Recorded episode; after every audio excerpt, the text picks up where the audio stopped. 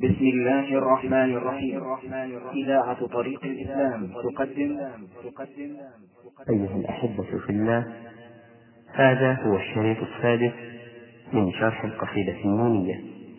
صرحوا بمذاهب القدماء وانسلخوا من الإيمان. يقول إذا كان الأمر على هذا الوجه والعقيدة على هذا الوجه متناقض فاتركوها. دعونا نكون مضطردين في القائد انسلخوا من الإيمان. وبهذا نعرف ضلال من قال من الناس إن المعتزلة إن الأشاعرة الذين حكموا العقل هم الذين سدوا الباب على الفلاسفة والمناطق. ابن القيم على عكس من هذا الرأي. يرى أن هؤلاء هم الذين فتحوا الباب للفلاسفة والمناطقة والملحدين. قالوا إذا كنتم متناقضين في عقيدتكم وهي عقيدة ما هي هو كلام يقال عقيدة. كيف تثبتون الإرادة وتنفون الرحمة؟ والباب واحد. إذا هذه عقيدة باطلة متناقضة. لا لا لا نرضاها لا نرضاها وش نرضى على زعمهم؟ ها؟ النفي في كل شيء. الكفر. إن سلكوا من الإيمان والعقائد المتناقضة الفاسدة وقولوا ما, ما نؤمن بشيء لا نؤمن بشيء أبدا. فتبين بهذا أن تناقض هؤلاء واضطرابهم هو الذي فتح للملاحدة الباب.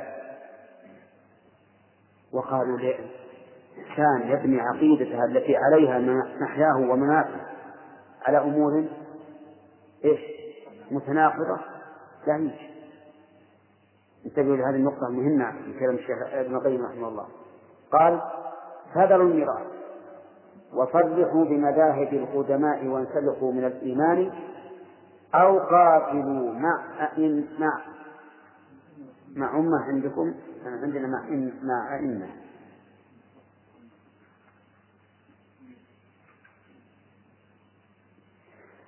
أو قاتلوا مع أمة التجسيم والتشريع تحت لواء ذي القرآن.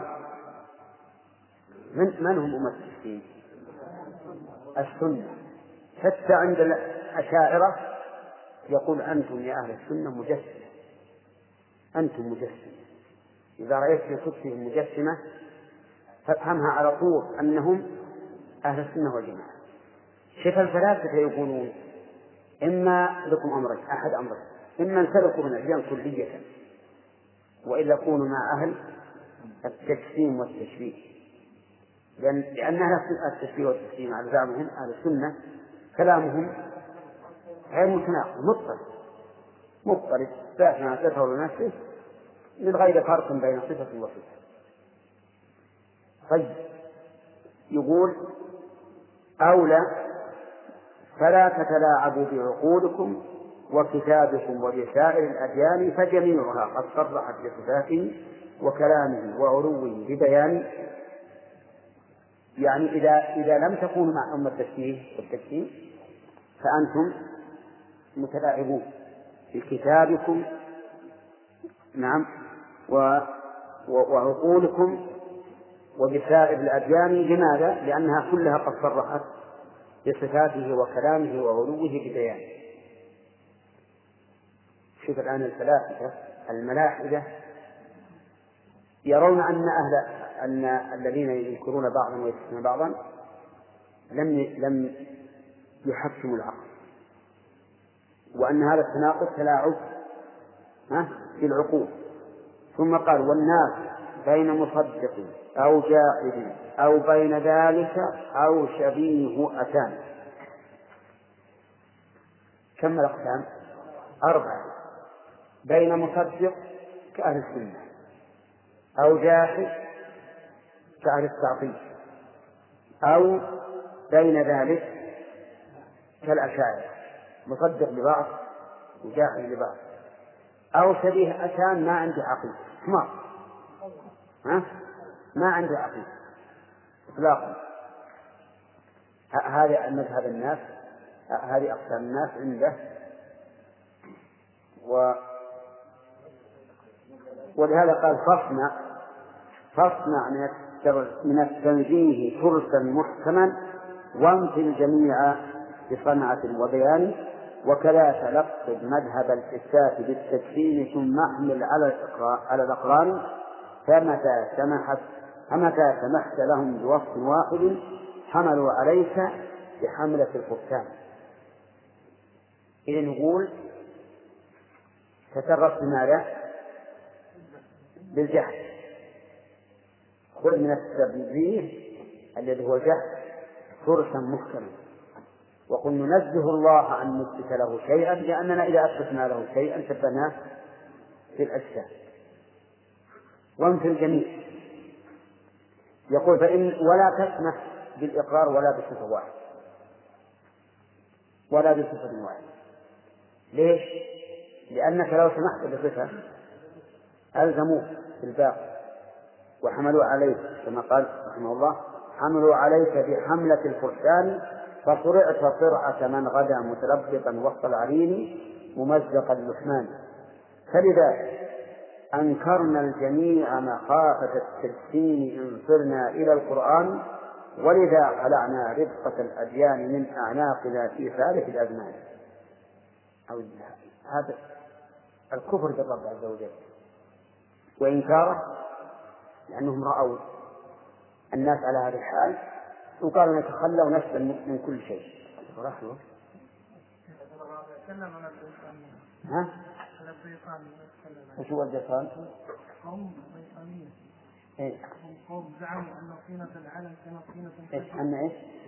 قوم إيه زعموا أن طين- أن طينة العالم كانت طينة خشنة إيه وكانت تحاكي جسم النور الذي هو الباري عندهم زمانا فتأذى بها فلما طال ذلك عليه قصد تنحيته قصد تنحيتها تنحيتها تنحيته عنها فتحول فيها واختلط بها فتركب من بينهما هذا العالم المشتمل على الظلم والنور.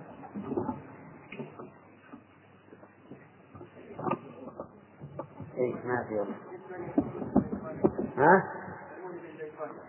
إيه بس ما ادري والله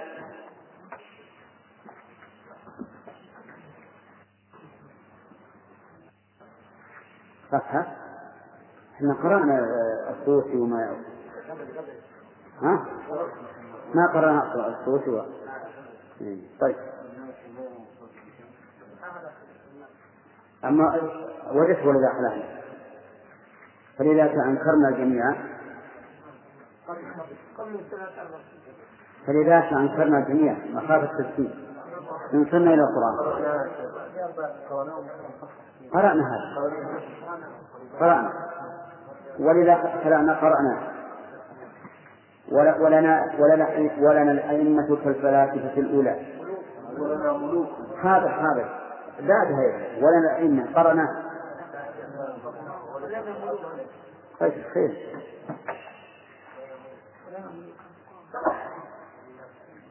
فلذا تنكر يرى هذا.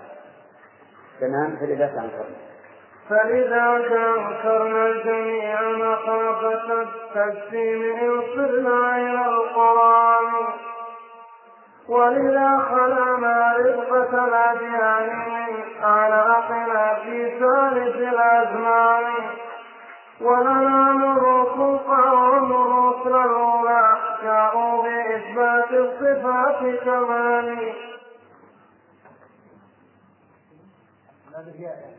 ما بها؟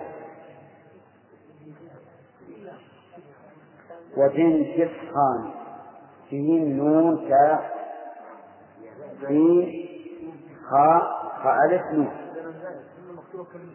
إيه لا لا. نعم. في آل فرعون وهامان وقارون ونمرود وجنكز خان ولنا الأئمة كالفلاسفة الأولى لم يعبروا أصلا من الأديان منهم أرسطو ثم منهم أرسطو منهم أرسطو ثم شيعته إلى هذا الأوان وعند كل أوان. ما فيه من قال إن الله هذه الأكوان كلا ولا قالوا بأن إلهنا متكلم بالوحي والقرآن. ولأجل هذا رد فرعون على موسى ولم يقدر على الإيمان. إذ قال موسى ربنا متكلم فوق السماء وأنه متداني إنه نعم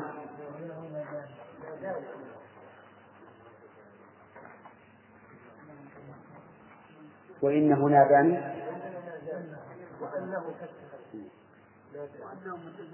طيب نسخة حتى نسخة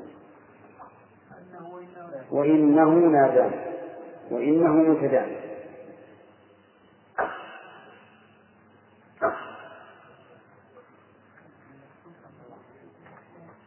إذ قال موسى ربنا متكلم فوق السماء وإنه متداني وكذبوا فينا لم يكن منكم ولا أتبعه بل صنعوا بجهان وكذلك الطوسي لما أراد ذا قدرة لم يخش من سلطان. قتل الخليفة والقضاة وحامل القرآن والفقهاء في البلدان.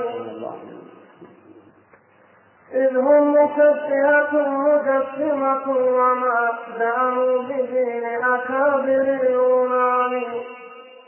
ولنا الملاحدة الفصول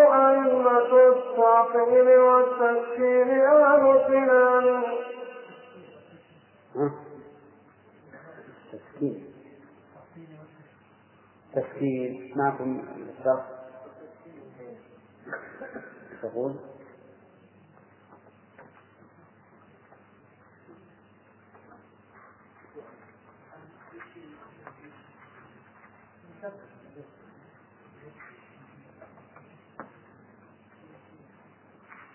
شو الشرح الذي كنت معكم الهراس ولا عيسى؟ ها؟ وما نقم هذا المشكل من هؤلاء الا انهم في نظره مشبهه مجسمه ثم قال ولا ولا يدينون دين اليونان المروق والالحاد وممن ينتسب إلى جماعتنا كذلك. وصول الملاحدة من آل السنان. بس ما في هم. معكم عيسى ها؟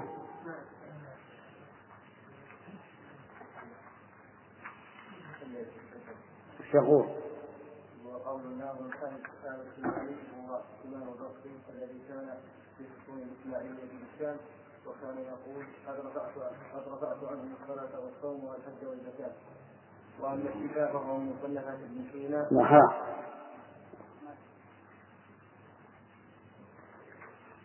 على كل حال عندنا أئمة التعطيل والتسكين. والتسكين لعل معناها ما ذكر. من أنهم يسكون الناس ويسكون عنهم الفرائض. وأما التمثيل فلها وجه التمثيل لها وجه أو التسكين لأنه لما ذكر أئمة التعطيل قال التشبيه لكن هو الآن يتكلم عن المعطلة نعم. فيما بعد ها؟ إيه هو, هو يعني يعني أهل السنة والجماعة. يقول يقول إن الطوسي قتل الخليفة والقضاة وحامل القرآن لأنه مشبه ومجسم على كل حال يتكلم عن هؤلاء الذين أبطلوا ابن سينا وأتباعه وأئمة الكفر. وقال إنهم يستدلون بقول فرعون وهامان والله عز وجل يقول عن, عن قوم فرعون وجعلناهم أئمة يدعون إلى النار ويوم القيامة لا ينصرون. نعم. ولنا تصاريف بها غالبتم مثل الشفا ورسائل الإخوان وكذا الإشارات التي هي عندكم قد أمنت بقولة البرهان. قد صرحت بالضد مما جاء في التوراة والإنجيل والفرقان. عندكم مثل الفصوص وفوقها مثل النصوص. النصوص.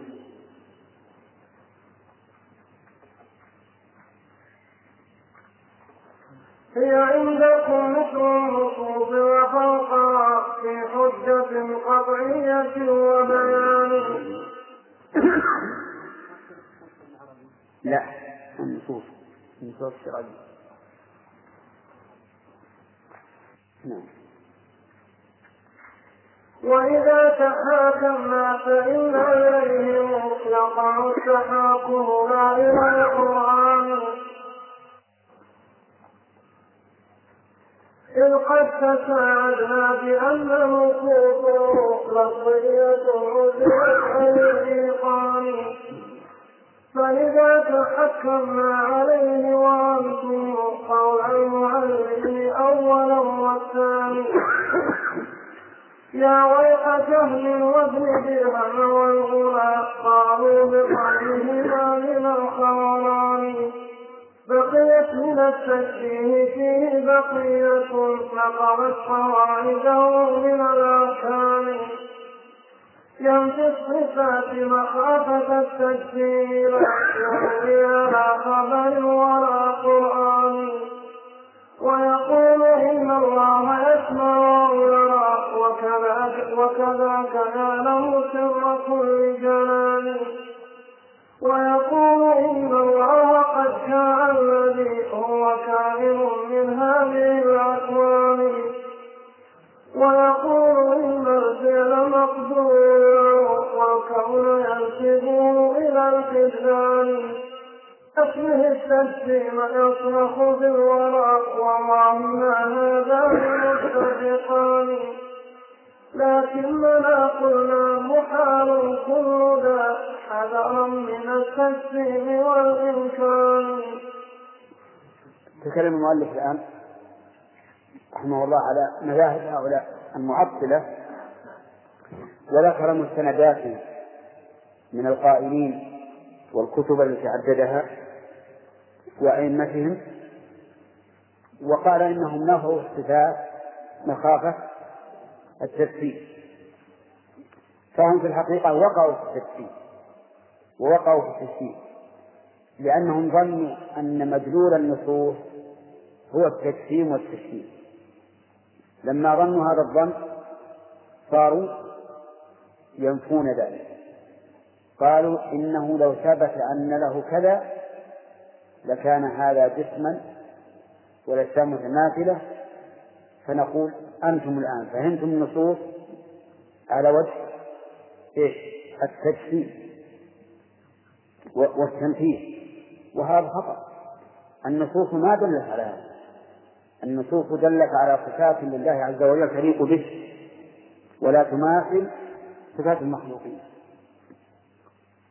وذلك لأن الصفة تابعة للموصوف فأنت إذا أردت أي صفة إلى موصوفها فإن ذلك يمنع أن تكون مثل الصفة المضافة إلى موصوف آخر. لأنها مقيدة. نقول مثلا وجه الله. ولم نقل وجه وأطلقنا.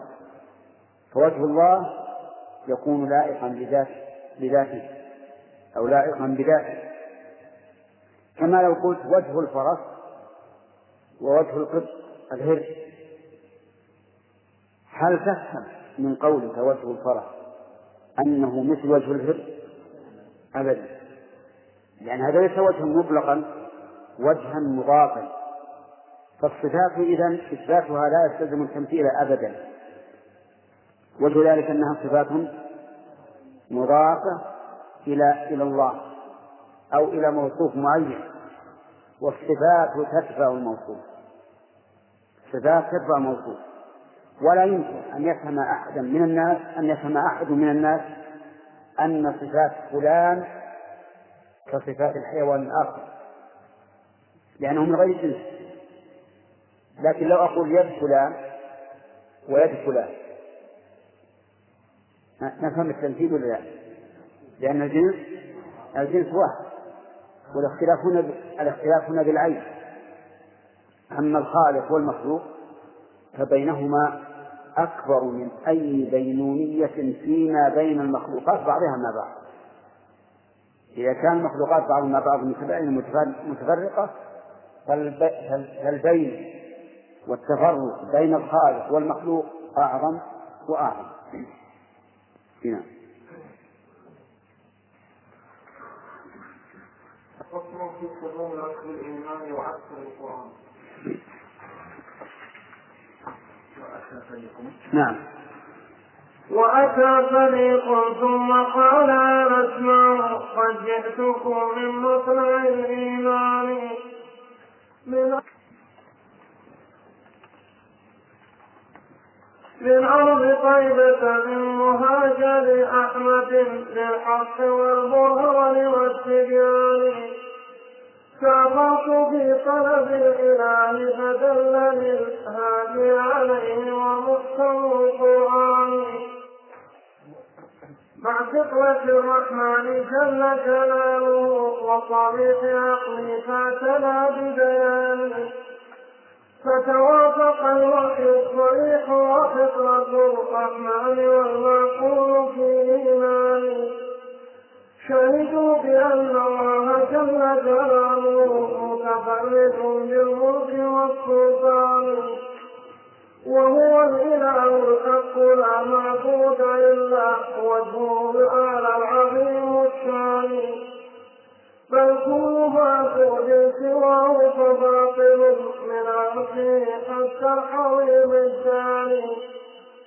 وعبادة الرحمن غاية حبه ما دعي عابده هو السلطان وعليهما فلك فلك فلك العبادة دائر ما دار حتى قامت القطبان ومداره بالأمر أمر رسوله لا بالهوى والنفس والشيطان. هذه خطأ كثير. ها؟ ها؟ فقيام في لله بالإخلاص والإحسان إنهما له أصلان. المؤلف رحمه الله في هذا الفصل ذكر قدوم ركب الإيمان وعسكر القرآن وذكر أن هذا الركب جاء من أهل طيبة من المدينة مهاجر أحمد عليه الصلاة والسلام وأنه طلب منا أن نستمع إليه في شرح مذهبه الذي هو عليه وبين أن مذهبه مبني على القرآن والسنة والعقل والفطرة وأن هذه الأربعة كلها توافقت عليه. شهدوا بأن الله سبحانه وتعالى واحد. منفرد بالملك والسلطان والألوهية وأن عبادته سبحانه هي الحق وما سواه فهي عبادة باطلة. كما قال الله تعالى ذلك بأن الله هو الحق وأن ما يدعون من دونه هو الباطل وذكر أن عبادة الله مبنية على أصلين تدور عليه غاية الحب وغاية الذل. غاية الحب والذل من الإنسان. يعني أن يكون محبا لله عز وجل. طالبا الوصول إليه. وبتحقق هذا القطب والأصل يندفع الإنسان إلى فعل المأمورات. لأنه يطلب حبيبا. وطالب الحبيب يسعى إلى الوصول إليه بكل طريق الذل يستلزم الخوف من الله عز وجل وبناء العبادة على الخوف من الله يستلزم الهرب من نواهيه لأن الإنسان يخشى إذا وقع في المناهي أن إيش؟ أن يأخذه الله تعالى أن يأخذه الله تعالى بذنبه فإذا اجتمع في قلب الإنسان المحبة التامة لله مع التعظيم استقام تماما على شرع الله. لأنه بحبه لربه يطلب ربه وبتعظيمه لله يخاف منه. فيكون فاعلا للمأمور تاركا للمحظور. ولهذا قال رحمه الله ومداره بالأمر أمر رسوله لا بالهوى والنفس والشيطان فقيام دين الله بالإخلاص والإحسان إنهما له أصلان. مداره بأمر الله ورسوله. هذا الرخاء يديره أمر الله ورسوله ورسوله. وقلنا هذا خطبة الرخاء تبنى عليه الرخاء ما الذي يديرها؟ أمر الله ورسوله. افعل لا تفعل. إذا قال افعل جارت إذا قال لا تفعل وقف فهذا هو في الحقيقة حقيقة العبادة. أن تعبد الله عز وجل بغاية الحب وبغاية الذل طيب المستكبر عن عبادة الله هل يمكن أن يعبد الله؟ لا. لأنه لا يعبده وهو لا يذل له أبدا. بل من رأى نفسه استغنى عن الله فإنه لن, لن يعبد الله. كلا إن الإنسان ليطغى أن رآه استغنى وأكثر الناس الذين أترفوا في الدنيا يرون أنهم استغنوا وأن هذا هو الغاية التي يقصدونها. ومن ثم جاءت النصوص بالحذر من الترف في الدنيا والتنعم فيها. لا لا بما أباح الله منها. كما أباح الله منها فإن الله يحب منا أن نفعله وأن نأتيه. لكن إن الغماس ترك حتى يكون الإنسان كأنما خلق يدرك نفسه هذا لا شك أنه سوف يكون في قلبه من الاستكبار عن عبادته عن عبادة الله بقدر ما في قلبه من عبادة الدنيا.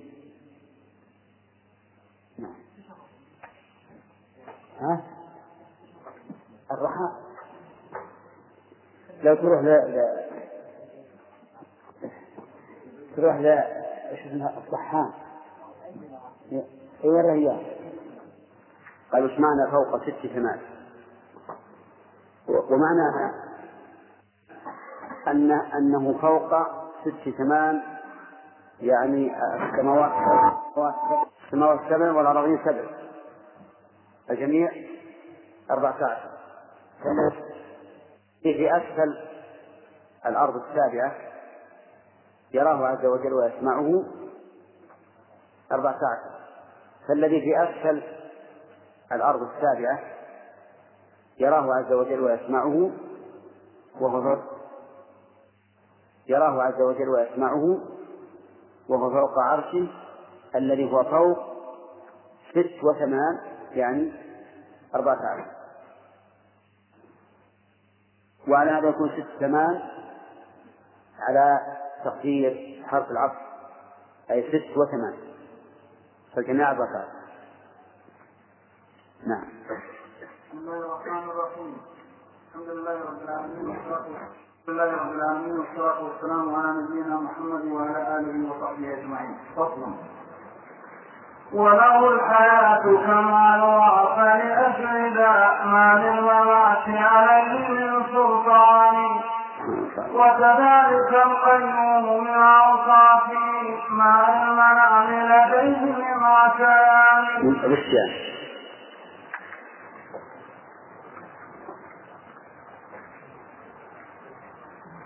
وكذلك القيوم من أوصافه مع المنام عليه من رجال وكذاك وكذاك أوصاف كمال جميعا ثبتت له رمضان والأصفار ومصحح الأوصاف والأفعال والأسماء حقا ذلك الوصفان ولأجل ذا جاء الحديث بأنه في آية الكرسي والإمران. الكرسي ما ما ما تشد ولأجل ذا جاء الحديث بأنه في آية الكرسي والإمران. اسم الإله الأعظم اشتمل على اسم الحي القيوم اسم الإله الأعظم اسم الحي والقيوم مقترنان فالكل مرجعها إلى اثنين يجري ذاك ذو بصر بهذا الشعر وله إدارة بسم الله الرحمن الرحيم. ذكر المؤلف رحمه الله أن الله عز وجل له كمال الحياة وأنه لا سلطان للموت عليه جل وعلا. كما قال تعالى وتوكل على الحي الذي لا يموت. وكذلك له القيومية من أوصافه القيومية التي تضمنها قوله تعالى القيوم. وهذه القيومية تمنع النوم. النوم مستحيل في حق الله عز وجل لكمال حياته وقيوميته ولهذا قال ما للمنام لديه من غشيان. يعني لا يمكن أن يناله النوم لكمال قيوميته فهنا حي وقيوم. الحي فيه كمال الأوصاف والقيوم فيه كمال الأفعال. قال الله تعالى أفمن هو قائم على كل نفس بما كسبت؟ أفمن هو قائم على كل نفس بما كسبت ولهذا قال المؤلف رحمه الله وكذاك أوصاف الكمال جميعها ثبتت له ومدارها الوصفان. ما هما الوصفان؟ الحياة والقيومية. كل أوصاف الكمال تدور على هذين الوصفين. ففي القيومية كمال الصفات وفي كمال الأفعال كمال الأفعال الله عز وجل. وهذان الاسمان هما اسم الله الأعظم. وقد جاء في القرآن الكريم في ثلاثة مواضع. في سورة البقرة وسورة آل عمران وسورة طه. فقال الله عز وجل في سورة البقرة الله لا إله إلا هو الحي القيوم. وقال في سورة آل عمران الله لا إله إلا هو الحي القيوم. وقال في سورة طه وعنت الوجوه للحي القيوم. فقد ذكر هذا الاسم في القرآن الكريم في ثلاثة مواقع. وهو اسم الله الأعظم لأن هذين الاسمين يتضمنان جميع معاني أسماء الله. ووجه ذلك ما شرحته أولا. ما هو؟ أن الحي يتضمن كمال الوصاف والقيوم كمال الأفعال. نعم. وله الإرادة.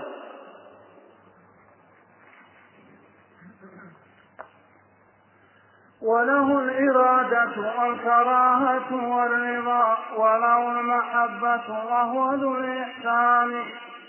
وله الكمال المطلق العالي عن التشبيه والتمثيل بالإنسان.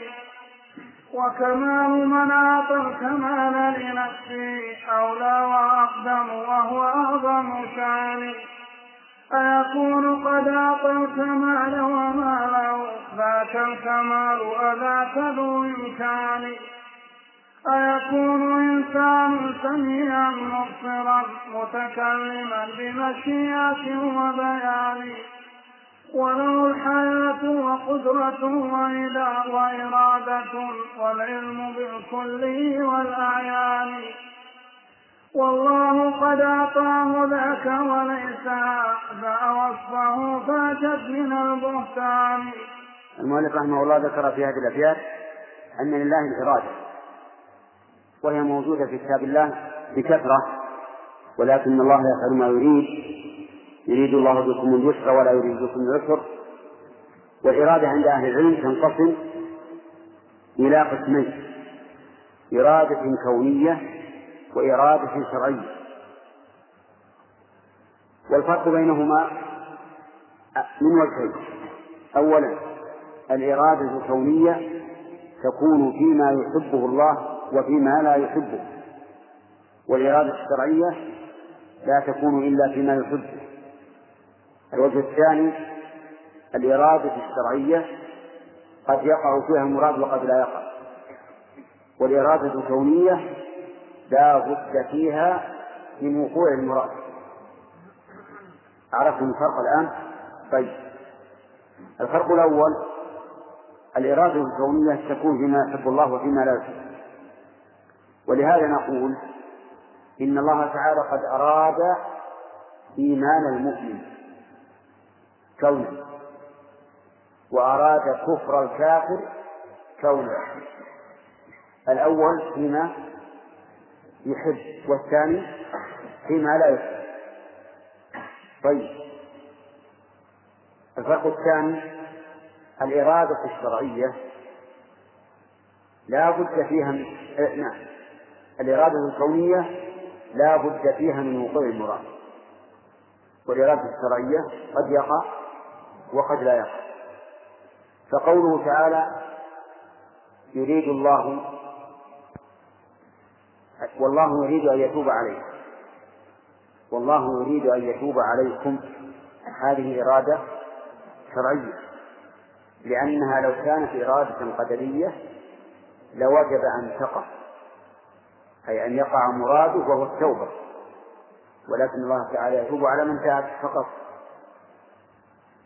والإرادة الكونية لا بد فيها أن يوقع المراد بقوله ولكن الله يفعل ما يريد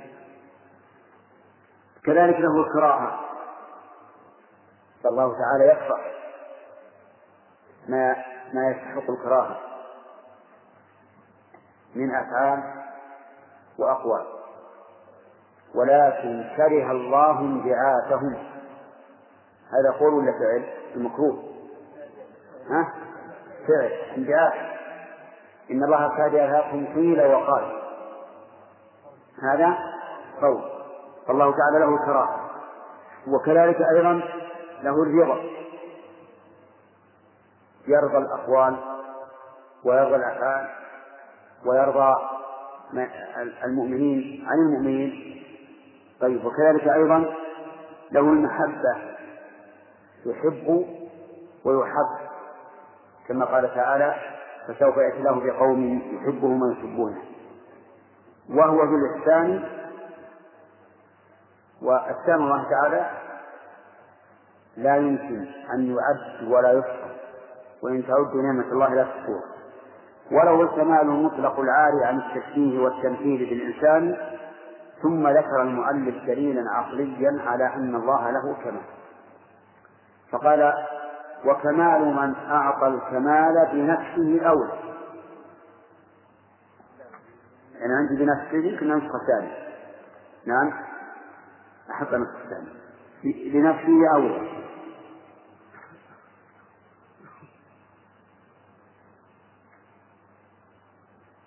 نقول هل في الإنسان كمال؟ ها؟ نعم.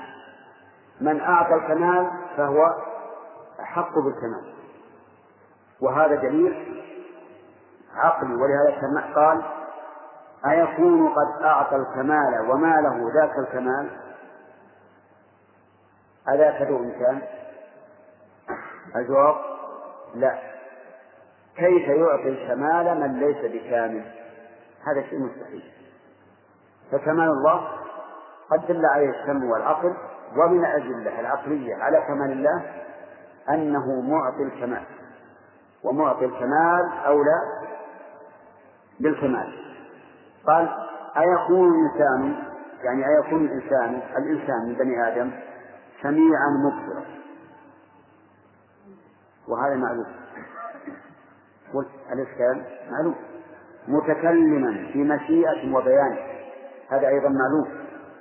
الإنسان يتكلم بمشيئته ويتكلم كلاما فصيحا بينا وله الحياة منه الإنسان وقدرة وإرادة والعلم بالكلي والأعيان والله قد أعطاه ذاك وليس هذا وصفه. وصف من؟ وصف الله. يعني كيف يكون الإنسان متصفا بهذه الصفات الكاملة؟ والله هو الذي أعطاه الله أعطاه إياها وليس هذا وصفا لله يقول تعجب من البهتان فأعجب من البهتان طيب. كأن موردا أورد على المؤلف فقال النوم والأكل والنكاح من كمال الإنسان. فهي بالنسبة للإنسان كمال. فهل تثبتها لله؟ طيب. أنت تقول إن من أعطى الكمال فهو أولى بالكمال. والله تعالى قد أعطى الإنسان هذا. ولهذا لا لا يدع الإنسان النوم إلا من مرض. ولا يدع الأكل إلا من مرض. ولا يدع النكاح إلا من مرض. فمن كمال الإنسان إيش؟ النوم والأكل والشرب والنكاح. إذا يلزم على قاعدتك أن يكون الله تعالى متصفا بهذا. عرفت؟ طيب أجاب عليه المؤلف بما سنسمعه من القارئ. بخلاف نوم العبد ثم جماعة والأكل منه وحاجة الأبدان. إن تلك ملزومات كون العبد محتاجا وتلك لوازم النقصان. وكذا لوازم كونه جسدا نعم ولوازم الأحداث والأحداث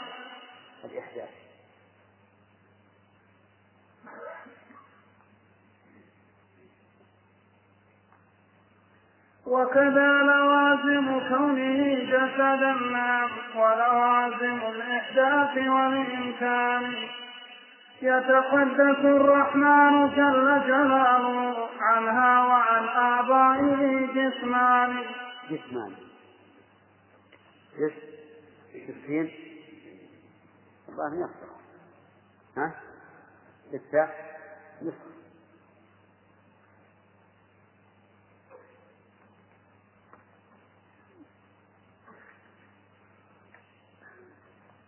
أجاب المؤلف رحمه الله تعالى عن ذلك.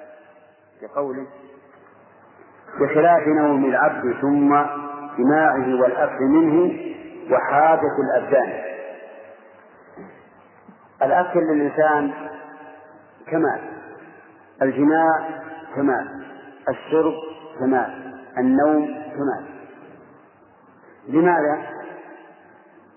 لأن هذا لأن كماله بهذه من أجل نقصه فإن هذه النواقص تكمله لأنه محتاج إليه. لأنه محتاج إليه. فالأكل والشرب لو لم يأكل ويشرب هلك. لو لم ينم تهدمت صحته. لو لم يجامع ما بقي النفس. إذا هو في حاجة والله سبحانه وتعالى منزه عن هذا. منزه عن الحاجة. فهو ليس بحاجة إلى أكل ولا شرب. ولا جماع ولا غير ذلك. أما العبد فهذا من كماله لاحتياجه إليه لتقوم به ليقوم به كماله. كذلك يقول آه، لوازم كونه جسدا وكونه حادثا هذه منزه عنها الله عز وجل. لوازم كونه جسدا أن يكون محتاجا.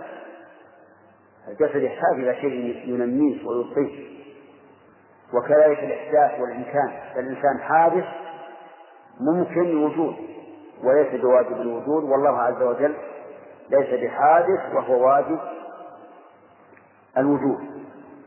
يقول المؤلف رحمه الله يتقدس الرحمن جل جلاله عنه يعني عن هذه اللوازم. ويتقدس أيضا عن أعضائه جسمان. وكلام المؤلف رحمه الله هنا موهم. موهم ما ليس بمراد له قطعا. لأن قوله عن أعضاء جسمان يشمل الوجه واليد والعين والقدم والساق. فإن هذه من أعضاء الجسم. فهل الله منزه عنها؟ إن نظرنا إلى ظاهر كلام المؤلف قلنا إنه يدل على ذلك لكن لعلمنا بحال المؤلف وأنه يثبت هذه الصفات الله عز وجل الوجه والعين واليد والساق والقدم لعلمنا بذلك كما نعلم الشمس في في ربعة النهار نعلم أنه لم يرد نفي هذا عن الله وإنما أراد نفي خصائص هذه هذه الأعضاء بالنسبة للإنسان خصائص هذه الأعضاء بالنسبة للإنسان يجوز أن تنفصل من جسمه وأن لا تنفصل أليس كذلك؟ لكن اليد بالنسبة لله عز وجل والساق والقدم والعين يجوز أن يكون فيها هذا ولا ما يجوز؟ لا يجوز لا يجوز أبدا ولهذا قال العلماء لا يجوز أن تطلق على يد الله أنها بعض الله. لأن البعض ما جاز انفصاله عن الكل. وهذا بالنسبة إلى الله أمر مستحيل. ولهذا نجد دقة دقة تعبير شيخ الإسلام ابن تيمية رحمه الله حيث قال في التدمرية إن من صفات الله ما هو معاني وما مسماه أعضاء بالنسبة إليه. رحمه الله. ما مسماه أعضاء بالنسبة إليه. مثل اليد مسماها بالنسبة لنا عضو من الأعضاء. لكن بالنسبة لله ما تقول هي عضو من أعضاء الله. حاشا وحش ما تقول هذا. ولا بعض منه. ولا جزء منه. إنما تقول هذه صفات ثابتة لله عز وجل على وجه الحقيقة مسماها بالنسبة لنا أبعاد وأجزاء وأعضاء. أما بالنسبة لله فلا يطلق عليها ذلك وأكون نائما بالنسبة طيب فهمتم بارك الله فيكم؟ إذا كلام ابن القيم يجب أن يحمل على إيش؟ على أعضاء ذي الجسمان أو ذي الجسمان خصائص هذه الأعضاء.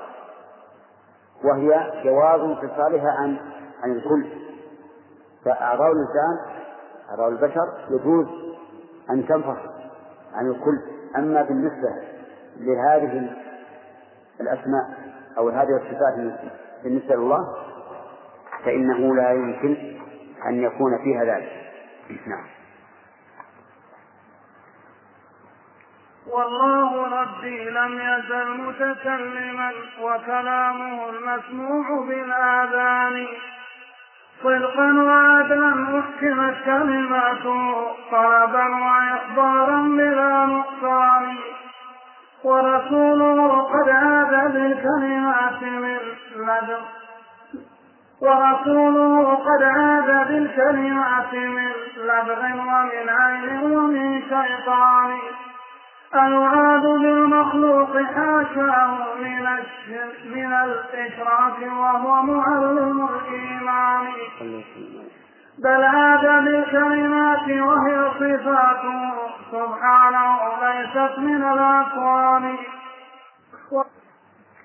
وكذلك القرآن عين كلام المسموع منه حقيقة ببيان قول ربكم بعض لفظا ومعنى ما هما خلقان تنزيل رب العالمين وقوله اللفظ والمعنى بلا رغبان لكن أصوات العباد وفعلهم كمدادهم والرق والرق رق بالفتح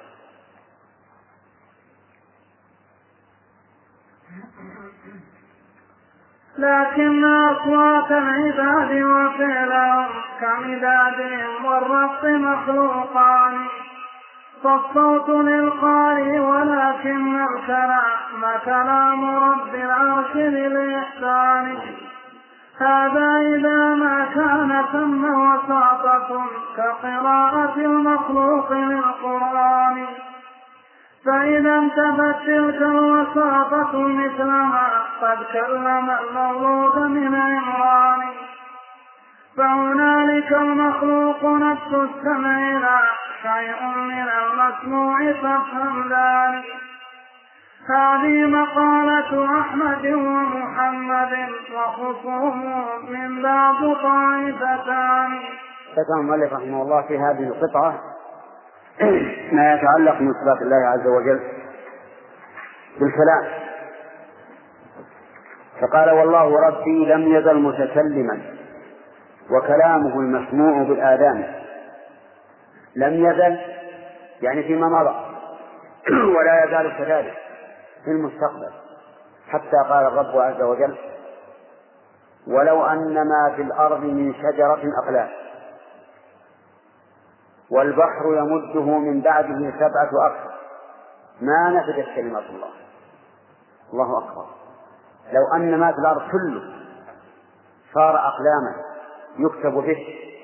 والبحر يمده من بعده سبعة أكثر ما نفدت كلمات الله. ولا نفاد لها.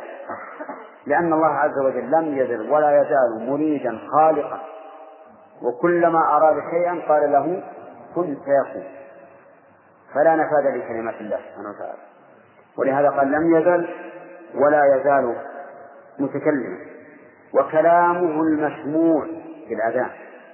كلامه يسمع ليس يخلق أصواتا تسمع تعبر عن كلامه بل كلامه هو عز وجل مسموع بالآذان سمعه موسى وسمعه محمد صلى الله عليه وسلم وسمعه من قبلهما آدم. وغير ذلك. كلام الله مسموع يسمع بالآذان. لكن صوته لا يشبه أصوات المخلوقين. ما يقوم له إلا من ثبته الله عز وجل. ولهذا إذا تكلم بالوحي ارتجفت السماوات وصارقت الملائكة. حتى إذا فزع عن قلوبهم قالوا ماذا قال ربكم؟ قالوا الحق وهو العلي الكبير. ورسوله نعم. صدقا وعدلا أختمت كلماته طلبا وإخبارا بلا نقصان. قال الله تعالى وتمت كلمة ربك وفي قراءة وتمت كلمات ربك. صدقا وعدلا. وزعها المؤلف قال طلبا وإخبارا. طلبا بالنسبة للعدل. وإخبارا بالنسبة للصدق. فأخباره كلها صدق. وأحكامه كلها عدل. ثم قال ورسوله قد عاد بالكلمات من لدغ ومن عين ومن شيطان. قال أعوذ بكلمات الله التامات فعاد بالكلمات من من لدغ الحي ومن عين العائد ومن الشياطين.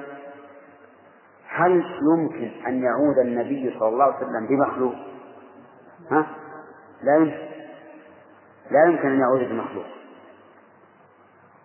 نعم يمكن أن يستعاذ بمخلوق فيما يقدر عليه مخلوق حي أمامه ولهذا قال النبي عليه الصلاة والسلام لما تحدث أما تحدث عنه من الفتن قال من وجد معاذا فليعوذ به لكن شيء غائب يعوذ به؟ ما يمكن أن يعود بمخلوق عليه الصلاة والسلام. حاشاه من من الإشراك وهو معلم الإيمان بل عاد بالكلمات وهي صفاته سبحانه ليست من الأكوان خلافا لمن؟ ها؟ لا. خلافا للجهمية الذين قالوا إن كلام الله مخلوق من جملة المخلوقات. وكذلك القرآن عين كلامه المسموع. منه حقيقة ببيانه القرآن كلام الله. عين عين كلامه سمعه من هو جبريل. ثم نزل به على قلب النبي صلى الله عليه وسلم. هو قول ربي كله لا بعضه لفظا ومعنى ما هما خلقان؟ سيأتي إن شاء الله في كلام المؤلف. أن من الناس من قال إن القرآن كلام الله معنى لا لفظ. ومنهم من قال إنه كلام الله لفظ ومعنى لكنه مخلوق.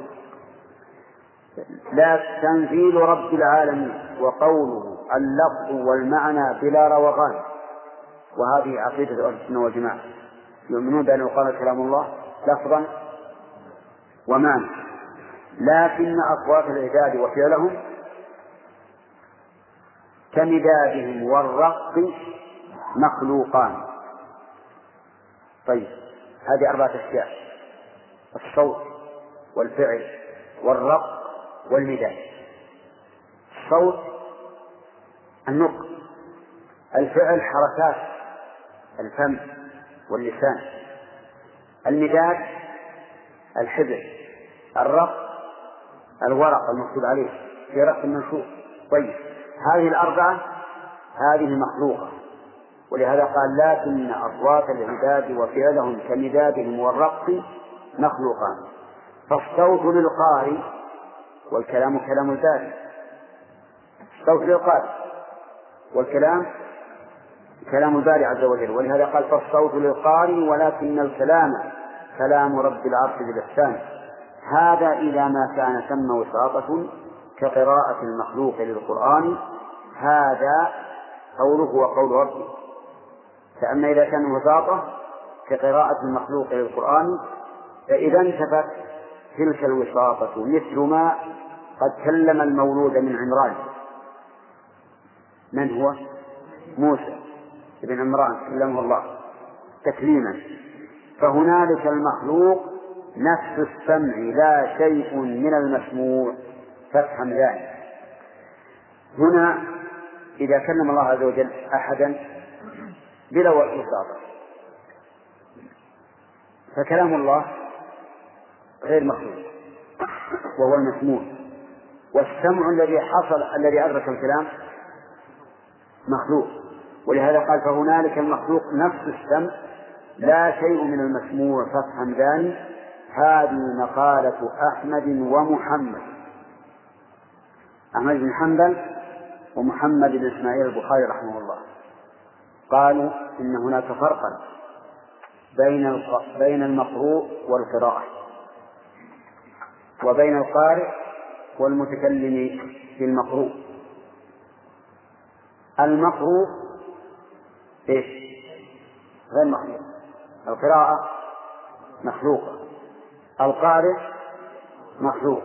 المتكلم بالمقروء وهو الله غير مخلوق طبعا الله عز وجل. كلامه غير مخلوق. فكلامه غير مخلوق. وبهذا التفصيل يزول الإشكال. بهذا التفصيل يزول الإشكال. نعم. فهنا فرق بين الكلام والمتكلم. بين القارئ والمقروء ولهذا قال بعض السلف كما أشرت إليه من قبل الصوت صوت القارئ إيش؟ والكلام كلام الباب. والله أعلم. نعم. خصومهم يبدون. شنو قلنا عليه؟ هذه مقال هذه مقال واحد. اللي بعده البيت اللي بعده. هذه مقالة أحمد ومحمد وخصوم ذات طائفتان.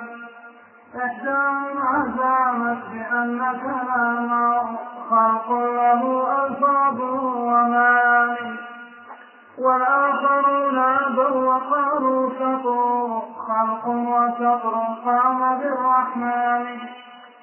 زعموا القرآن عبارة وحكاية فلنا كما زعموا قلنا قلنا قلنا. زعموا القرآن عبارة وحكاية قلنا كما زعموا القرآن. هذا الذي نتلوه مخلوق كما قال الوليد وبعده فئتان والآخر المعنى القديم فقائم بالنفس لم يسمع من الديان والأمر عين النهي واستفهامه هو عين إخبار ولو إحلال. عين إخبار بالكسر عندي يصح أخطاء كما خبر يصح وهو الزبور وعين التوراة وعين الدين وعين الذكر عين. عين الذكر. وهو الزبور وعين التوراة وعين الدين وعين الذكر والفرقان. كل شيء واحد في نفسه لا يقبل السبعين في الأذهان. ما إن له كل ولا بعض ولا حرف ولا عربي ولا عبران ولا عربي ولا ما ما ما شدد ما إن له كل ولا بعض ولا حرف ولا عربي ولا عبران ودليل في ذاك بيت قرار فيما يقال يا قوم قد غلط النصارى قبل في معنى الكلام وما اهتدوا لبيان ولأجل ذا جعلوا المسيح إلههم إذ قيل كلمة خالق الرحمن. ولأجل ذا جعلوه ناسوتا ومأهوتا قديما بعد متحدان ونظير هذا من يقول كلامه معنى قديم غير ذي حدثان والشطر مخلوق وتلك حروفه ناسوت لكنهما غيران. فانظر إلى ذا الاتفاق فإنه عتب وقال سنة الرحمن.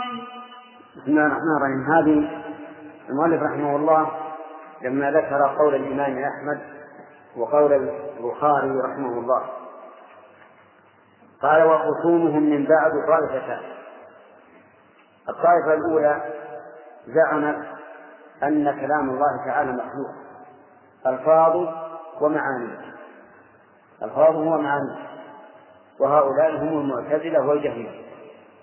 يقولون إن الله سبحانه وتعالى لم يتكلم بكلام ووصف وليس له كلام ووصف ولكنه خلق كلاما فنسب هذا الكلام إليه كما خلق ناقة فنسبها إليه.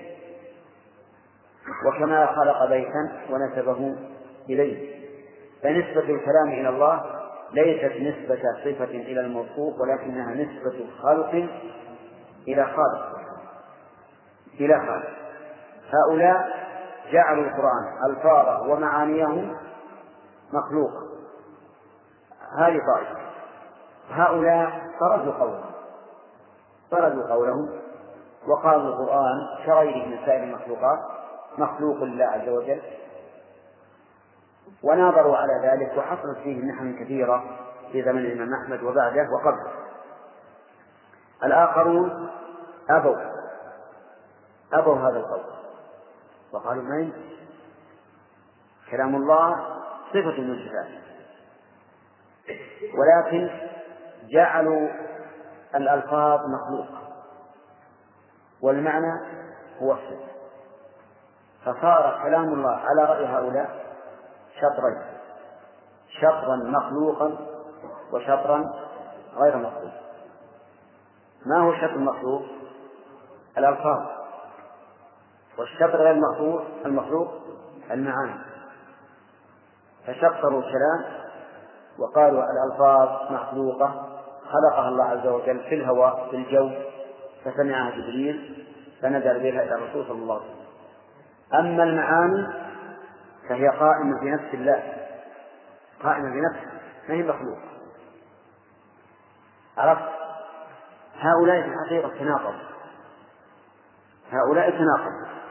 فجعلوا اللفظ له جهة والمعنى له جهة. والمعتزلة خير منه في الطرد كيف خير منه في الطرد؟ لأنهم طردوا الكلام وقالوا كل مخلوق الكل مخلوق. ولا يتصور أن ينفصل لفظ عن معناه ولا معنى عن لفظ. كيف نقول هذا المعنى مخلوق؟ المعنى غير مخلوق؟ واللفظ مخلوق. والمعنى كلام والمعنى واللفظ حدث. هذا ما يصير. بل الكل محدث والكل مخلوق وانتهينا.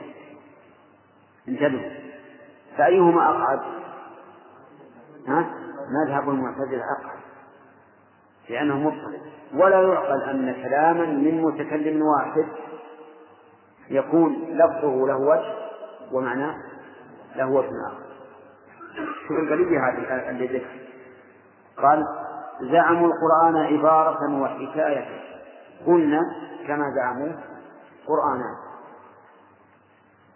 قرآن حكاية وقرآن قول وصفة. ما هو القرآن الذي هو الصفة؟ ها؟ المعنى. والقرآن اللي هو حكاية وعبارة؟ اللفظ. إذا عندنا قرآنان. القرآن الذي هو المعنى القائم بنفس الرب عز وجل والقرآن الذي هو المسموع. نعم. ولهذا قال قلنا كما زعموا قرآنان هذا الذي نتلوه مخلوق. صح. هذا المذهب. يقول الذين الذين نتلوه مخلوق. والمعنى القائم بنفس الله. هذا الصدق غير مخلوق. ولهذا قال بعض المحققين منهم نحن والمعتزلة على حد سواء. كلنا متفقون على أن ما بين دفة المصحف إيه مخلوق. ومتفقون على هذا. لكن الأشعرية وهم أصحاب هذا القول الذي يقول معناه هو الكلام واللفظ مخلوق يقولون هذا عبارة عن كلام الله. والمعتزلة يقولون هذا كلام الله. سبحان الله. المعتزلة يقول في المصحف هذا كلام الله. وهؤلاء يقولون هذا عبارة عن كلام الله وليس كلام الله. واتفق الجميع على أنه مخلوق. طيب. أيهما أقوم؟ المعتزلة يقول يا جماعة هذا كلام الله. مخلوق. هؤلاء يقولون هذا مخلوق وليس كلام الله. الأشاعرة والحقيقة أن ما أحد يتفضل لهذا المعنى. الأشاعرة الآن يقول هذا ليس كلام الله. وهو مخلوق والمعتزلة يقول هذا كلام الله وهو مخلوق ونحن نقول كلام الله غير مخلوق غير مخلوق ما هو يا أشاعرة ما هو هذا؟ قال هذا عبارة عن كلام الله. ما هو كلام الله؟ طيب أو حكاية. العبارة الفرق بين العبارة والحكاية أن العبارة يخلق الله أصواتا تعبر. والحكاية حكاية القول مثل ما يكون في الصدع. أنتم لا تكلمتم مثلا بين جبال يكون صدع يحكي الصوت. فهم يقول الله تعالى تكلم بكلام ما يسمع لكن صار الصدع حكاية عن الكلام. لكن المعروف عند الأشاعرة أنهم يقولون إنه عبارة والكلابية يقولون إنه حكاية. طيب يقول هذا الذي نتلوه مخلوق كما قال الوليد. من الوليد؟ الوليد بن المغيرة أبو خالد بن الوليد. الوليد بن المغيرة قال إن هذا إلا قول البشر. إن هذا إلا ستر يؤثر إن هذا إلا قول البشر. هم يقولون هذا قول البشر. فهم يقول مخلوق مثل ما أن كلامي أنا مخلوق وكلام الثاني مخلوق هذا مخلوق أيضا. كما قال الولي وبعده الفئتان. من الفئتان؟ الأشاعرة والمعتزلة كلاهما يقول هذا الكلام اللي بين أيدينا القرآن مخلوق. والآخر المعنى. شوف الآخرون أبوا وقالوا شطره خلق وشطر قام بالرحمن. المسموع الذي يسمع ويتلى هذا إيش؟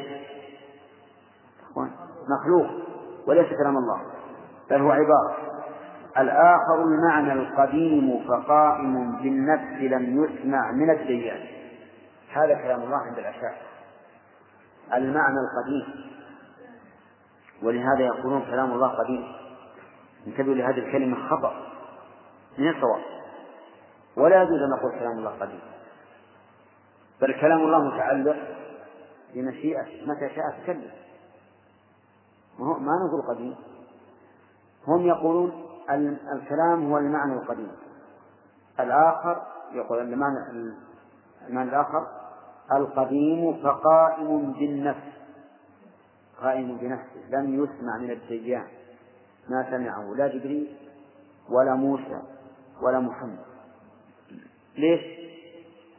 لأنه هو المعنى القائم بالنفس. وكل أحد يعرف أن المعنى القائم بالنفس لا يسمى كلاما أبدا. أنت الآن لو أردت أن تخطب خطبة وفي نفسك تكون عناصرها وتقول بقول كذا وبقول كذا وبقول كذا هل يقال تتكلم؟ ما هو كلام؟ ما هو كلام؟ ليس هذا بكلام.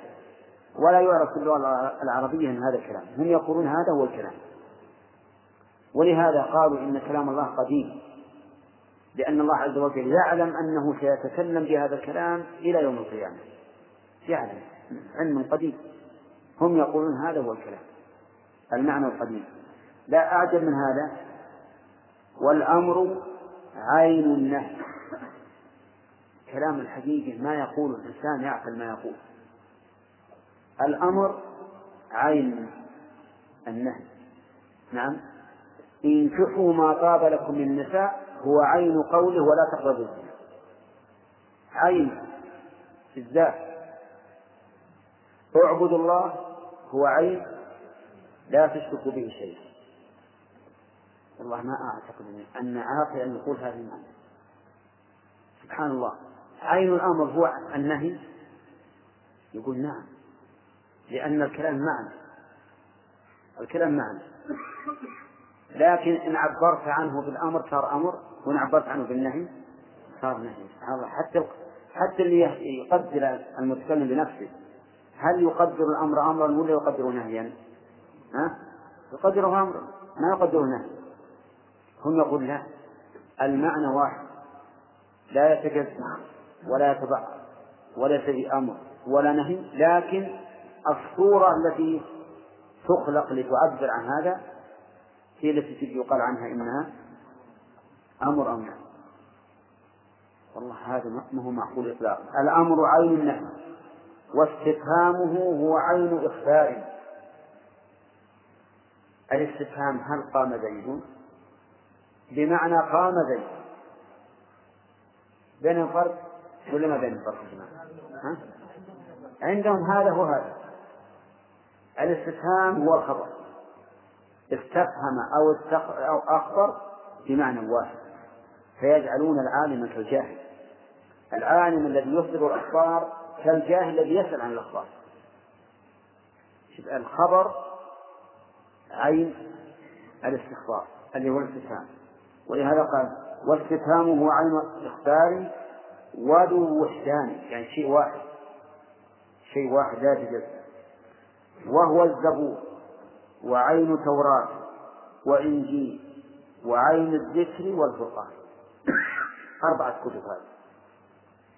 الزبور والتوراة والإنجيل والقرآن. يقول هذه شيء واحد. هذه شيء واحد. التوراة هي القرآن. القرآن هو الإنجيل. الإنجيل هو الزبور. كلها شيء واحد. نعم. لكن اختلفت في الصورة. إن عبر عنه بالعربية سميناه قرآنا. بالعبرية توراة بالسريانية إنجيلا بالداودية زبورا نعم؟ وإلا فهو شيء واحد. ولهذا اسمع كلام ابن القيم. وهو الزبور وعين توراة وإنجيل وعين الذكر والفرقان. الكل شيء واحد في نفسه لا يقبل التغيير في الأذهان. ما إن له كل ولا بعض ولا حرف ولا عرض ولا عبرة. ما في. وصف إنه عربي أو عبراني أو له حرف أو صوت أو يسمع لا. ليش؟ لأن المعنى لأن الكلام هو المعنى القائم بالنفس وهو شيء واحد. ما يقبل التجدد ولا يقبل إن هذا أمر وهذا نهي. كل شيء واحد. ودليلهم في ذاك بيت قاله فيما يقال الأخطل النصراني. الأخطل معروف من الشعراء. قال قولا فبنوا عليه. قال إن الكلام لفي الفؤاد وإنما جعل اللسان على الفؤاد دليلا خلاص وش دليلكم؟ وش دليلكم أن الكلام هو المعنى القائم بالنفس؟ دليل كلام الأخطر. النصراني إن الكلام وين محله؟ لا في الفؤاد. وإنما جعل اللسان على الفؤاد دليلا. الحقيقة أنه استدلال بما لا دليل فيه. ثانيا نعم بما لا دليل فيه من وجهين الوجه الأول أن هذا البيت لا يراد به المعنى الذي يقوله. بل معنى قوله إن الكلام لا في الفؤاد معناها أن الإنسان الذي يتكلم بعقل يقدر الشيء في قلبه أولا. في فؤاده ثم بعد ذلك يعبر عنه. كل إنسان عاقل يريد أن يكون لقوله وزن ومعنى لا يمكن أن ينطق بكلمة حتى إيه؟ يقدرها في قلبه ويزنها يشوف هل هل يتكلم فيها أو لا يتكلم. فإذا نضجت عنده حينئذ يعبر هذا هو معنى البيت الذي لا يحتمل غيره. ونظير استدلالهم بهذا البيت استدلالهم بأن استوى بمعنى استولى في قول الرجل المجهول. قد استوى بشر على العراق من غير سيف أو دم مهراق. كم استوى بشر على العراق مو معناه ركب فوقه وش معناه؟ استولى عليه قد استولى عليه فإذا حول كل كلمة في القرآن استوى حولها إلى استولى لهذا لهذا البيت. لهذا البيت. على كل حال دليل الأشاعرة في أن الكلام هو المعنى القائم بالنفس قول النصراني وسبحان الله أن جعل الله إمامهم نصرانيا. نعم. قارن المؤلف بين قول هذا وبين قول النصارى في أن عيسى مركب. في أن الإله مركب. وعندما أن أن الكلام مركب من لفظ ومعنى. المعنى صفة واللفظ ها؟ مخلوق. وال... ثم الدليل على هذا قول من؟ قول رجل النصراني. يقول ودليلهم في ذاك بيت قاله فيما يقال الأخطر النصراني يا قوم. قد غلط النصارى قبل في معنى الكلام وما اهتدوا لبيانه يا قوم إما أن يخاطب ابن القيم رحمه الله أهل السنة أو يخاطب هؤلاء ليبين لهم أن استدلالهم بما يقوله النصارى خطأ لأن النصارى غلطوا في, في أمر أعظم من هذا. لما قال الله تعالى في المسيح ابن مريم وكلمته ألقاها إلى مريم. قالوا إذا المسيح كلمة. والكلمة وصف المتكلم. فالمسيح جزء من المتكلم جزء من الله. ليش؟ لأنه كلمة لأنه كلمة.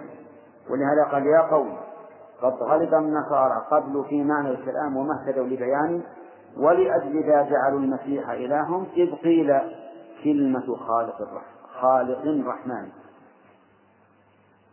لما قيل إنه كلمة الله قالوا إذا هو مشتق منه. والوصف لازم للموصوف. فهو إذا إله. لكن شف ولأجل ذا جعلوه ناسوتا ولاهوتا الناسوت من الإنسان واللاهوت من الإله. وقالوا إن إلههم مركب من ناسوت ولاهوت ناسوت ولاهوت نعم.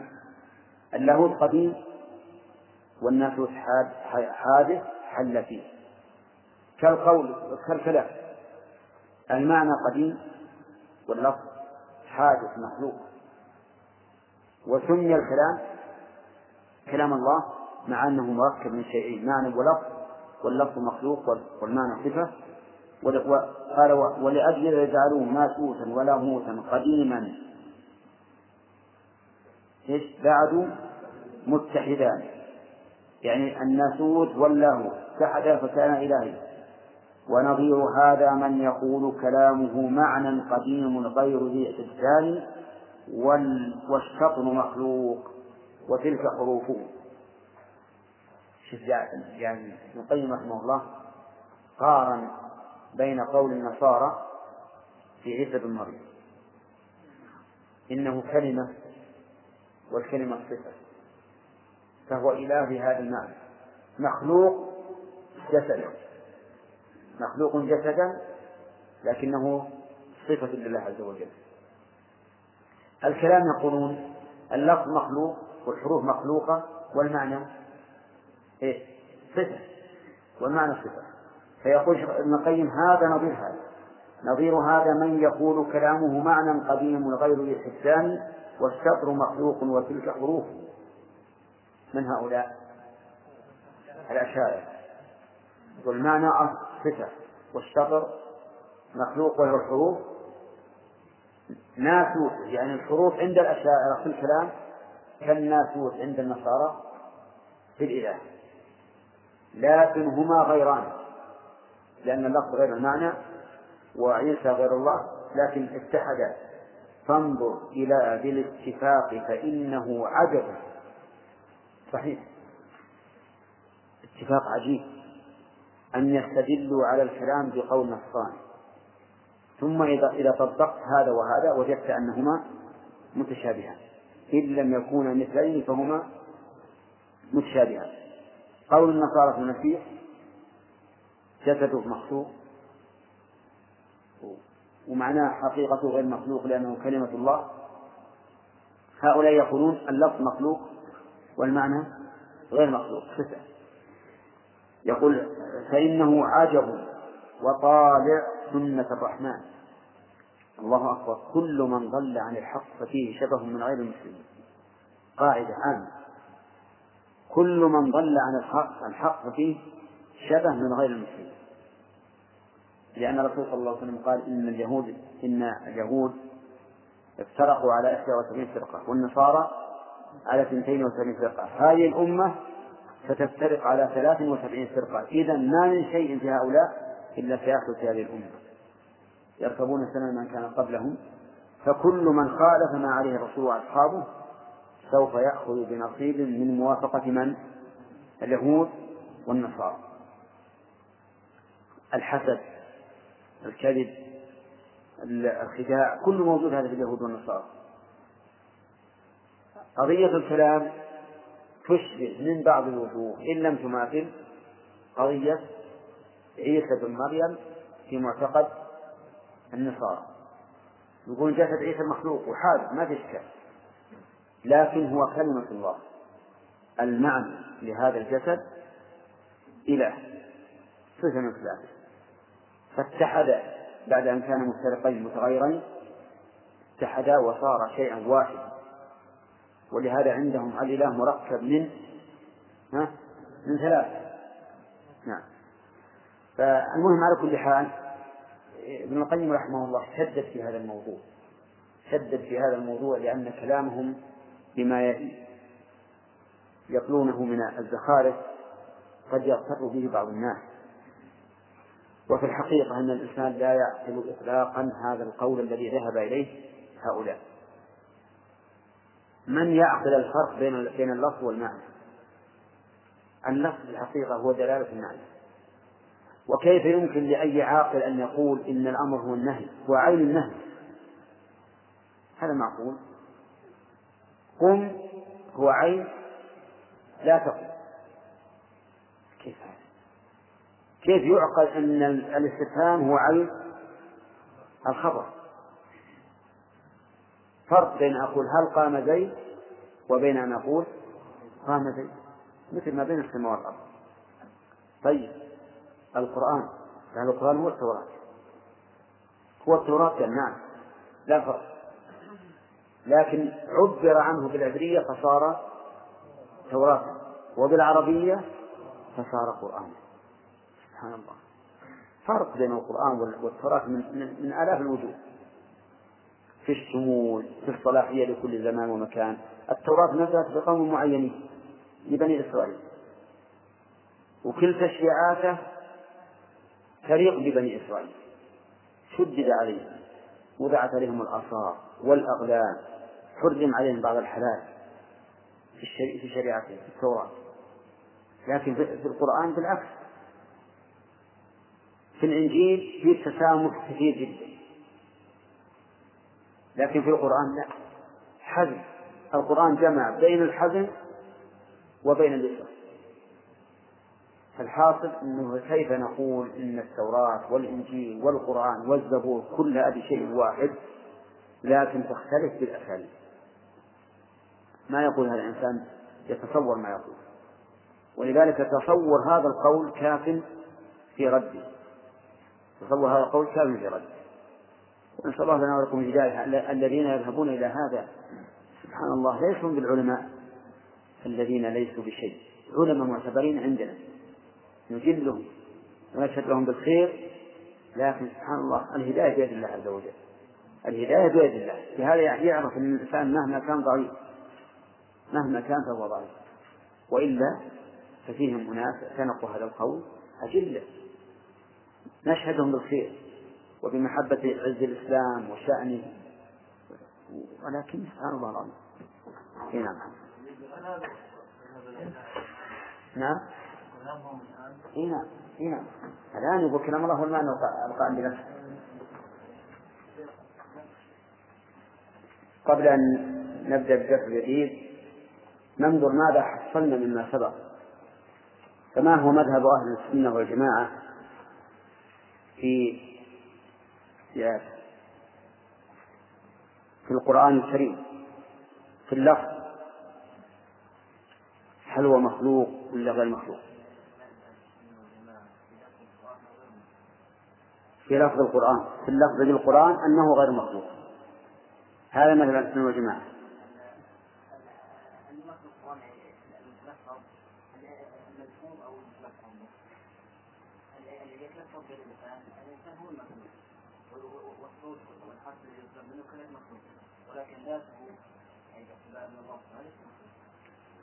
يعني ذات الإنسان. يعني ذات الإنسان مخلوق. نعم. يعني يخرج من الإنسان هذا مخلوق. من الإنسان. الإنسان مخلوق. وهو منزل من الله سبحانه وتعالى مخلوق عبد الرحمن.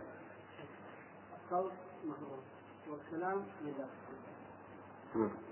الصوت. صوت الباري والقول قول باري طيب.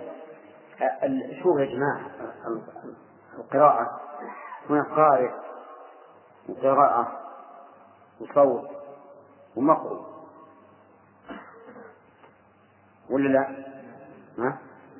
طيب. القارئ ها؟ والقراءة التي هي فعله والصوت. والمقروء غير مخلوق هذه أربعة أشياء واحد منها غير مخلوق والباقي مخلوق طيب. بالنسبة للسمع نقول عندنا سامع وسمع. والثالث مسموع. السامع مخلوق. والسمع مخلوق. والمسموع لا للتفصيل إن كان صوت القارئ كان مسموع صوت القارئ فهو مخلوق. وإن قصد به ما يلفظ به القارئ فهو غير مخلوق. هذا هذا هو تحريم مذهب أهل السنة والجماعة في هذه المسألة. واعلموا أيضا أنه أن أهل السنة والجماعة أو العلماء منهم ما الجئوا لهذه التفاصيل إلا للضرورة. لما تكلم أهل البدع بهذا في هذا الباب قالوا لابد أن نتكلم. وإلا لكنا نقول القرآن كلام الله فقط وكفى. فأجره حتى يسمع كلام الله. لكن اضطروا إلى هذه التفاصيل من أجل مقاومة أهل البدع ومقارعتهم. طيب ما هو مذهب المعتزلة في القرآن يا عبد الله؟ المخلوق وعلى هذا كل الأربعة هذه تكون عندهم كل الأربعة القارئ والقراءة والصوت والمقروء كل هذا مخلوق عند ها عند المعتزلة ويرون أن أن كلام الله من جملة المخلوقات. طيب لماذا نسب إلى الله آدم؟ كيف قيل كلام الله؟ وهو مخلوق. لأن يعني هو ربنا هو بعد التشريع أن يكون ينزل من السماء هو القرآن. ما هذا؟ نعم أحمد. قلنا كلام الله كلام منزل كلام الله وهو كلام والمنفذ به. لا على رأي من يقول إنه مخلوق المعتزلة وأنه مثل السماء ومثل الأرض ومثل الشمس والقمر.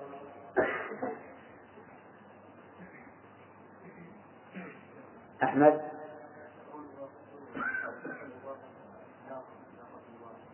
تشريف إضافة تشريف وتعظيم. يعني مثل قيل لهم إذا كان كلام الله مخلوقا على زعمكم لازم أن يكون كلامي أنا كلام لله لأن الله خلق. قالوا كلامك أنت مخلوق لله. وهذا الكلام مخلوق لله لكن أضيف إلى الله من باب التشريف من باب التشريف والتعظيم. طيب. الأشاعرة ماذا يقولون بندر في كلام الله. نعم يقولون إن الالفاظ مخلوقه نعم. وأما بالنسبة للمعنى فإنها صفة من صفات الله عز وجل. غير مخلوق. غير مخلوق. فيجعلون الكلام شطر مخلوق وشطر غير مخلوق. المعنى القائم بالنفس هذا غير مخلوق وهذا هو معنى الكلام عندهم والألفاظ هذه مخلوقة. طيب. على هذا الرأي يا عبد الرحمن بن داود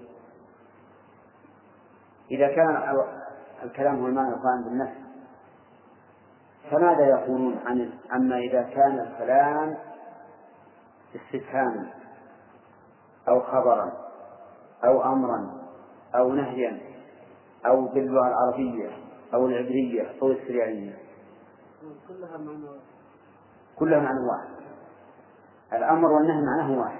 واحد. والاستفهام والخبر معناهما واحد.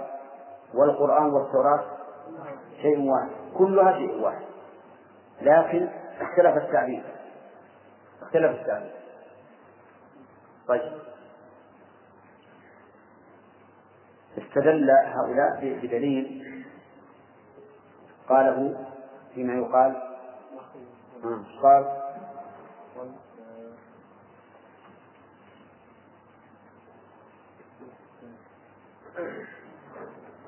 نعم.